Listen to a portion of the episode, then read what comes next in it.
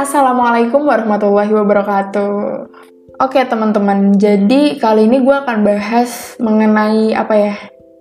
Ya mungkin sebenarnya masih ada hubungannya dengan toxic friend ya. Dan udah pernah gue bahas juga. Cuma ini lebih dalam karena kemarin habis ada yang nanya ke gue pas gue open Q&A ada yang nanya kayak gini. Gimana ya uh, pendapat lo gitu? Menurut lo gimana kalau ada orang yang dia tuh kalau dijadiin tempat curhat, kita curhat ke dia, dia tuh malah suka ngebandingin kita gitu. Nah, orang-orang yang kayak gitu tuh emang penyakit atau emang gak pernah ada yang cerita sama dia ya? Nah, pertanyaannya kurang lebih kayak gitu. Dan menurut gue ini sangat menarik. Kenapa? Karena ini kayaknya mewakili semua orang gitu ya, banyak orang gitu yang merasakan bahwa sekarang itu orang kalau curhat sukanya dibandingin gitu kan. Dan jujur, Jawabannya itu adalah tergantung konteksnya. Tapi gue pun yakin ini yang nanya ini, lo juga pasti kesel gitu kan? Karena ya emang posisinya lo pantas untuk kesel gitu. Mungkin dia nggak pada waktu yang tepat, atau mungkin dia memang tidak seharusnya ngomong kayak gitu ke lo, karena mungkin dia bukan temen yang terlalu dekat atau sangat dekat sama lo gitu kan. Pasti ada alasannya gitu. Nah, kalau gue sendiri kayak gini, ada saat di mana gue suka dibandingin dan ada saat di mana gue nggak suka gitu. Nah sekarang pertanyaannya adalah tujuan lo curhat apa nih? Untuk didengar atau untuk dapat solusi? Kalau untuk didengar ya dari pengalaman lo siapa orang yang paling bisa mendengar gitu. Ya ceritalah sama dia, jangan cerita sama yang suka ngebandingin. Karena ntar uh, lo sendiri gitu yang susah sendiri dan malah merasa orang itu nggak bisa diajak cerita lah dan lain-lain. Padahal mungkin ada loh yang cocok cerita sama dia gitu. Cuma bukan lo orangnya. Gue pernah nggak orang curhat ke gue gitu dan gue ngebandingin? Jujur pernah oke okay? jujur pernah. Dan habis itu teman gue kayak ada yang protes gitu loh. Tapi bukan teman yang curhat ke gue ya. Kayak lo tuh boleh kayak gitu gitu. Dia ngingetin gue nah lo bisa nih pakai opsi ini juga nih. Misalnya lo bilang ke teman lo buat ngingetin teman lo yang suka ngebandingin itu. Bisa. Bilang aja ke orangnya. Atau bilang langsung ke orangnya juga boleh kalau lo sayang sama dia kan nah terus oke okay, gue menotis itu tuh setelah temen gue ngasih tahu gue gitu kan jadi sekarang kayak gue lebih hati-hati aja jangan sampai kayak gue nahan gitu oh gue nggak boleh ngebandingin ya oke okay, gitu tapi yang perlu diperhatikan adalah selain jadi pencerita kita tuh sebenarnya ketika kita cerita gitu ya, kita juga punya peran sebagai pendengar gitu. Kecuali lo udah bilang, gue cuma mau curhat, lo nggak usah ngasih saran apa-apa gitu kan. Maksud gue jangan sampai pemikiran populer gitu ya, bahwa membandingkan itu nggak boleh. Membandingkan itu nggak boleh, itu lo install ke dalam diri lo tanpa filter sama sekali gitu kan. Jadi semuanya tuh lo tolak tanpa pertimbangan apa pun. Padahal nggak sedikit orang yang survive karena dibandingin. Gitu ya. Kenapa gue bisa belajar mati-matian? Ya nggak mati-matian juga sih. Intinya, kenapa gue bisa belajar uh, progres belajar gue tuh signifikan gitu ya. Dibanding ketika sekolah dengan ketika gue mau belajar UTBK. Karena gue ngebandingin nilai gue dengan semua teman satu angkatan gue. Ketika itu ya ada ranking SNM itu Nah, uh, sehingga gue tahu posisi gue tuh di mana. Oh, gue tuh ada di bawah. Dan gue tahu langkah yang harus gue ambil apa sih. Nah, cuma terkadang dalam uh, berbagai aspek sih ya, gue nggak selalu bisa ngebandingin diri gue sendiri dengan tepat. Dan di saat-saat kayak gitu, gue butuh yang namanya referensi dari orang lain. Nah, kalau lo ngedengerin podcast gue yang apa ya itu hmm, nilai nggak penting. Nah di situ gue curhat sama teman gue gitu kan tentang sekolah dan lain-lain. Apa dia ngebandingin gue dan bilang bahwa semua akan baik-baik aja? No enggak dia bilang gue emang telat dan ya itu kesalahan gue. Dia juga sempat ngebandingin gue cuma nggak gue masukin di podcast itu. Tapi gue suka cara itu. Gue suka jalan itu. Gue suka cara dia ngomong belak-belakan kayak gitu gue suka. Karena terkadang untuk keluar dari zona nyaman kita nggak bisa selalu diiyain. Kalau menurut gue tuh kayak harus seimbang gitu sih. Orang yang selalu dibela, diiyain dan lain-lain gitu kan, itu nggak sehat. Begitu pula dengan orang yang selalu ditolak juga nggak sehat gitu kan. Jadi tugas kita gitu kan, tugas gue untuk merawat uh, diri gue sendiri sebagai manusia yang berdaya untuk belajar ya. Ya gue kita harus nyari keduanya. Jangan sampai terbuai pada salah satunya aja. Diiyain terus atau ditolak terus gitu. Oh ya gue btw nih, gue punya cerita dari cutting gue gitu. Adalah cutting gue di psikologi UGM. Nah jadi ceritanya tuh, dia itu punya teman anak salah satu organisasi lah di psikologi UGM. Dia ikut satu organisasi gitu. Nah uh, dia itu masuk divisi di mana divisinya tuh uh, ya berkarya gitulah, riset, penelitian dan lain-lain kayak gitu. Nah uh, suatu hari anak ini tuh keluar dari memutuskan untuk berhenti gitu, nggak ngelanjutin di organisasi itu lagi. Kenapa? Karena dia merasa orang-orang tuh nggak pernah ngekritik dia. Yang ada tuh selalu apresiasi. Udah lo udah keren banget. Ih, sumpah tulisan lo bagus banget. Ini mah nggak ada alfanya dan lain-lain. Nah, dia tuh nggak suka gitu. Dia merasa gue nggak bisa berkembang ketika gue di diiyain terus, dibilang bagus terus. Padahal gue tahu ini ada jeleknya kenapa orang-orang gak bilang gitu? Nah itu maksud gue contohnya kayak gitu. Dan gue juga lumayan kaget pas diceritain wah gila sampai keluar gitu ya. Jadi lingkungan yang mendukung tanda kutip mendukung itu justru toxic buat uh, beberapa orang gitu.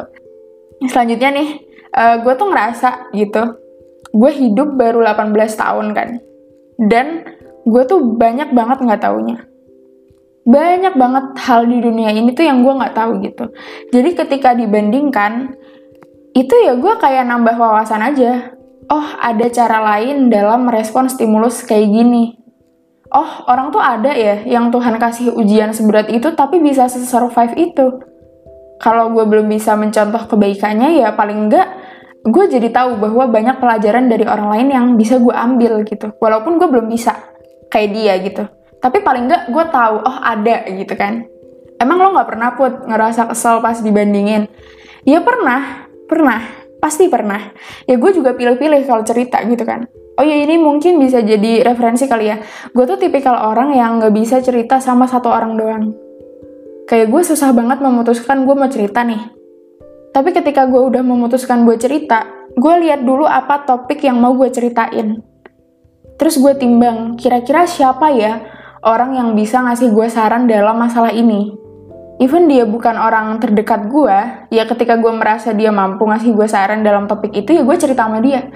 Jadi gue nggak bisa gitu, misalnya kalau lo mungkin ngelihat gue suka jalan sama siapa, gue uh, deket sama siapa, nah gue tuh nggak bisa cerita semua hal sama dia. Ya gue cerita sama dia ketika gue merasa gue boleh cerita sama dia. Tapi ketika gue ngerasa topiknya, oh kayaknya dia uh, kayaknya gue nggak bisa deh cerita ini sama dia gitu. Ya gue akan cerita ke orang lain. Contoh gue pernah bingung dalam nentuin peran gue di kampus gitu ya. Nah gue harus jadi apa di mana ketakutan gue akan kampus dan sebagainya lah. Nah ya karena itu tentang kampus ya gue akan cerita ke kakak kelas gue kakak kelas gue apa pun lah SMP mau SMA gitu kan ke kakak kelas gue yang udah ngerasain kehidupan kampus dan dia juga aktif di kampus. Kayak gitu. Dan menurut gue cara seperti itu tuh meminimalisir kita untuk dibandingin. Kenapa? Karena dia berpengalaman dan sharing apa yang dia lalui. Dan menurut gue itu worth it. Gue didengerin ketika kita cerita sama tanda kutip ahlinya. Ya ibaratnya uh, kayak master chef gitu ya. Kayak lo masak, terus lo minta saran e, ini gimana ya? Gue punya masakan ini. Coba menurut lo gimana? Nah ketika kita udah nyerahin itu ke chef mau chef seharusnya ya pikiran kita tuh langsung nge-setting bahwa ya gue uh, gue meminta penilaian chef otomatis tuh semua yang dia katakan itu bisa jadi pertimbangan buat gue gitu. Apa yang dia omongin kita akan lebih ikhlas menerima itu dibanding ketika itu diomongin sama orang yang nggak punya basic di bidang itu kan. Nah begitupun bagi gue ketika gue curhat sama orang tuh kayak gitu. Ketika gue ingin meminta solusi tapi ya ketika gue hanya ingin didengarkan ya siapa aja bisa lah. Yang penting gue merasa aman dan nyaman sama dia gitu. Tapi sekali lagi, gue merasa bahwa ketika gue cerita dengan orang yang tepat dan topiknya tepat, itu akan meminimalisir rasa sakit hati gue ketika gue dibandingin dan gue dikoreksi seperti itu. Sorry ya, ini malah jadi ngelantur ke mana-mana. Intinya nih, poinnya ketika lu ketemu dengan orang yang kayak gitu tadi sesuai pertanyaan, yang suka ngebandingin lo sama orang lain, atau bahkan sama dirinya secara langsung, lo masih mending lah gue. Nah kalau kayak gitu sih, itu sih emang, emang apa ya, emang ngeselin ya. Nah yang pertama tuh, sampein aja bahwa mungkin lo saat ini tuh cuma butuh didengerin. Lo sampein dari awal, gue mau curhat nih, tapi tolong uh, eh, gue didengerin aja ya gue nggak nggak butuh lagi nggak butuh saran apa apa gue cuma butuh ada yang dengerin gue.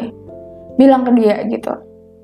Kedua nih setelah lo udah uh, cara nomor satu tadi udah lo laksanakan yang kedua jangan keburu-buru nilai dia toksik ketika dia ngebandingin. Gitu. Coba pikirin ada nggak hal positif dari perbincangan kalian gitu. Jadi uh, jangan keburu-buru apa ya menilai kalau dia ngebandingin ya pokoknya dia toxic gitu. Pelajari dulu apa yang dia omongin. Oh kira-kira omongan dia ini ada benernya nggak? Ada positifnya nggak? Negatifnya buang positifnya ambil gitu. Yang ketiga, kalau lo udah mempertimbangkan semuanya dan sampai pada kesimpulan, oh ya gue emang gak cocok nih cerita sama dia, udah nggak klop, gue bawanya malah bukannya lega malah tambah emosi gitu ya. Ya udah nggak usah dilanjutin cerita sama dia. Jadi lain kali nggak usah cerita sama dia gitu. Cukup kali ini aja. Yang keempat, uh, beri dia waktu. Kalau memang lo temen dia gitu ya, dan lo merasa nyaman sama dia, cuma dia kalau diajak cerita tuh nggak asik gitu ya, nyebelin gitu. Beri dia waktu, kasih dia waktu gitu kan. Karena kita kita kayak kalau kita belajar, misalnya belajar apa, biologi, belajar fisika, kita aja perlu waktu buat uh, narok ilmu-ilmu di buku, ilmu-ilmu dari guru ke otak kita tuh kan butuh waktu. Mungkin ada yang semenit udah ingat, tapi sebulan lagi itu udah hilang gitu. Nah, hmm, apa ya, mengenali seseorang tuh juga kayak gitu, butuh waktu. Jadi jangan lo maksa, jangan egois dengan mengatakan, ih lo nggak nggak ngerti sih, nggak ngerti gue sih. Lalu lo baru cer baru cerita sekali dua kali, lo minta di minta dia pengertian gitu, nggak bisa gitu. Perlu waktu gitu. Jadi beri teman-teman lo waktu, jangan maksa gitu lah. Jadi saling mengerti gitu. Oh ya, uh, ini nomor 5 nih, ini tambahan sih. Karena ini gue ngerasa ini bagus banget. Dan ini nggak cuma berlaku buat percurhatan duniawi ya. Kemarin tuh pas uh, gue ada acara Forga gitu. Forga itu acara bonding di, di keluarga muslim psikologi. Nah itu pematerinya itu uh, alumni, jadi kakak tingkat gue yang sudah alumni. Namanya Mas Afwan beliau sharing tentang uh, beliau sharing dan gue notice tentang ukhuwah ya. Tapi ada yang gue paling notice itu adalah ketika beliau bilang bahwa kalau ada orang yang kalau lo ngobrol sama dia lama-lama lo nggak mood ya jangan ngobrol sama dia sampai lo nggak mood. Jujur itu keren banget jadi Iya bisa gini, jadi oke, okay, it's okay kalau ada orang yang kalau lo cerita curhat ke dia, lo nggak klop, ya jangan curhat sama dia dan jangan sampai itu bikin lo menolak dia seutuhnya. Jadi seluruh, pokoknya dia tuh bukan teman gue gitu, jangan. Karena bisa jadi dia kalau diajak nugas, dia baik hati dan tidak sombong. Dia kalau diajak bisnis, dia baik hati dan tidak sombong gitu kan. Jadi jangan memutuskan tali silaturahmi cuma gara-gara dia ngeselin pas curhat. Gitu maksud gue. Nah, keenam tuh boleh tadi pakai uh, tips gue cerita sama tanda kutip ahlinya gitu ya uh, karena kita nggak bisa maksa orang lo harus jadi pendengar sesuai yang gue mau gitu kan nggak bisa tapi kita bisa cari pendengar yang kira-kira klop sama kita ketika membahas satu hal tertentu kita bisa cari gitu kan kita bisa dan yang terakhir adalah tetap berteman sama siapa pun dia yang menurut lo toxic gitu kan. Karena mungkin akan ada saat lo perlu cerita sama dia gitu. Ketika lo punya suatu masalah gitu mungkin yang memang perlu banget dikritik habis-habisan lo akan ingat, oh gue punya temen nih yang suka ngebandingin. Dia mungkin punya banyak referensi gitu. Next, gimana kalau kita sebagai pendengar curhat? Menurut gue, satu intinya adalah perlakukan dia sebagaimana lo pengen diperlakukan. Udah, itu aja cukup sampai di situ. Tapi balik lagi tipe orang beda-beda gitu ya. Dan itu kembali ke kecocokan lo bisa cerita sama siapa. Tapi ada nih yang kedua, kalau lo udah kenal, udah deket, udah kenal, udah mengenali dia banyak hal gitu, sesuaikan diri. Karena lo pasti juga seneng kan kalau pas lo emang lagi butuh dukungan orang lain, orang lain mau nyesuaiin sesuai uh, diri lo, sesuai yang lo butuhin gitu. Nah kemarin tuh ini cerita lagi ya. Kemarin tuh suatu hari ada temen gue yang curhat gitu. Dan dia emang sering, sering banget curhat sama gue. Dan selama ini kalau dia curhat tuh gue selalu ngeiyain gitu. Dia nempatin diri sebagai pendengar aja. Oke gue cuma mau ngedengerin aja gitu. Nah kemarin terakhir kali pas dia ngechat gue, ada rasa di mana feeling gue tuh ini kayaknya udah lebih kompleks nih dari biasanya. Dan kayaknya gue harus ngomong sesuatu gitu kan. Akhirnya gue tanya, lo siap nggak ngedengerin apa pun pendapat gue, apa pun yang gue omongin, yang gue bilang, lo siap nggak ngedengerin itu? Oke siap, dia bilang kayak gitu. Oke karena dia udah setuju gitu, akhirnya gue ngomong semuanya. Lo gini gini gini, lo inget dong gini gini gini dan lain-lain.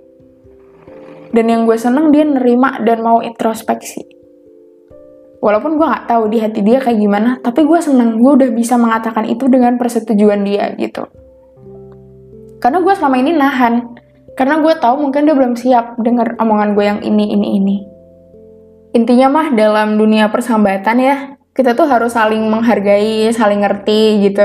Jangan sampai ketika kita jadi yang curhat, kita ngerasa lebih prior daripada teman pendengar. Karena bisa jadi dia udah bosan ngedengerin sambatan orang dan bukan cuma lo yang curhat sama dia di hari itu. Padahal di hari yang sama dia juga punya masalah sendiri. Jadi ngerti lah. Tapi sebagai pendengar ya kita juga latihan gimana caranya atensi pas orang lagi cerita. Jangan yang penting gue udah dengerin. Ya tapi gue juga pernah sih kayak gitu sih.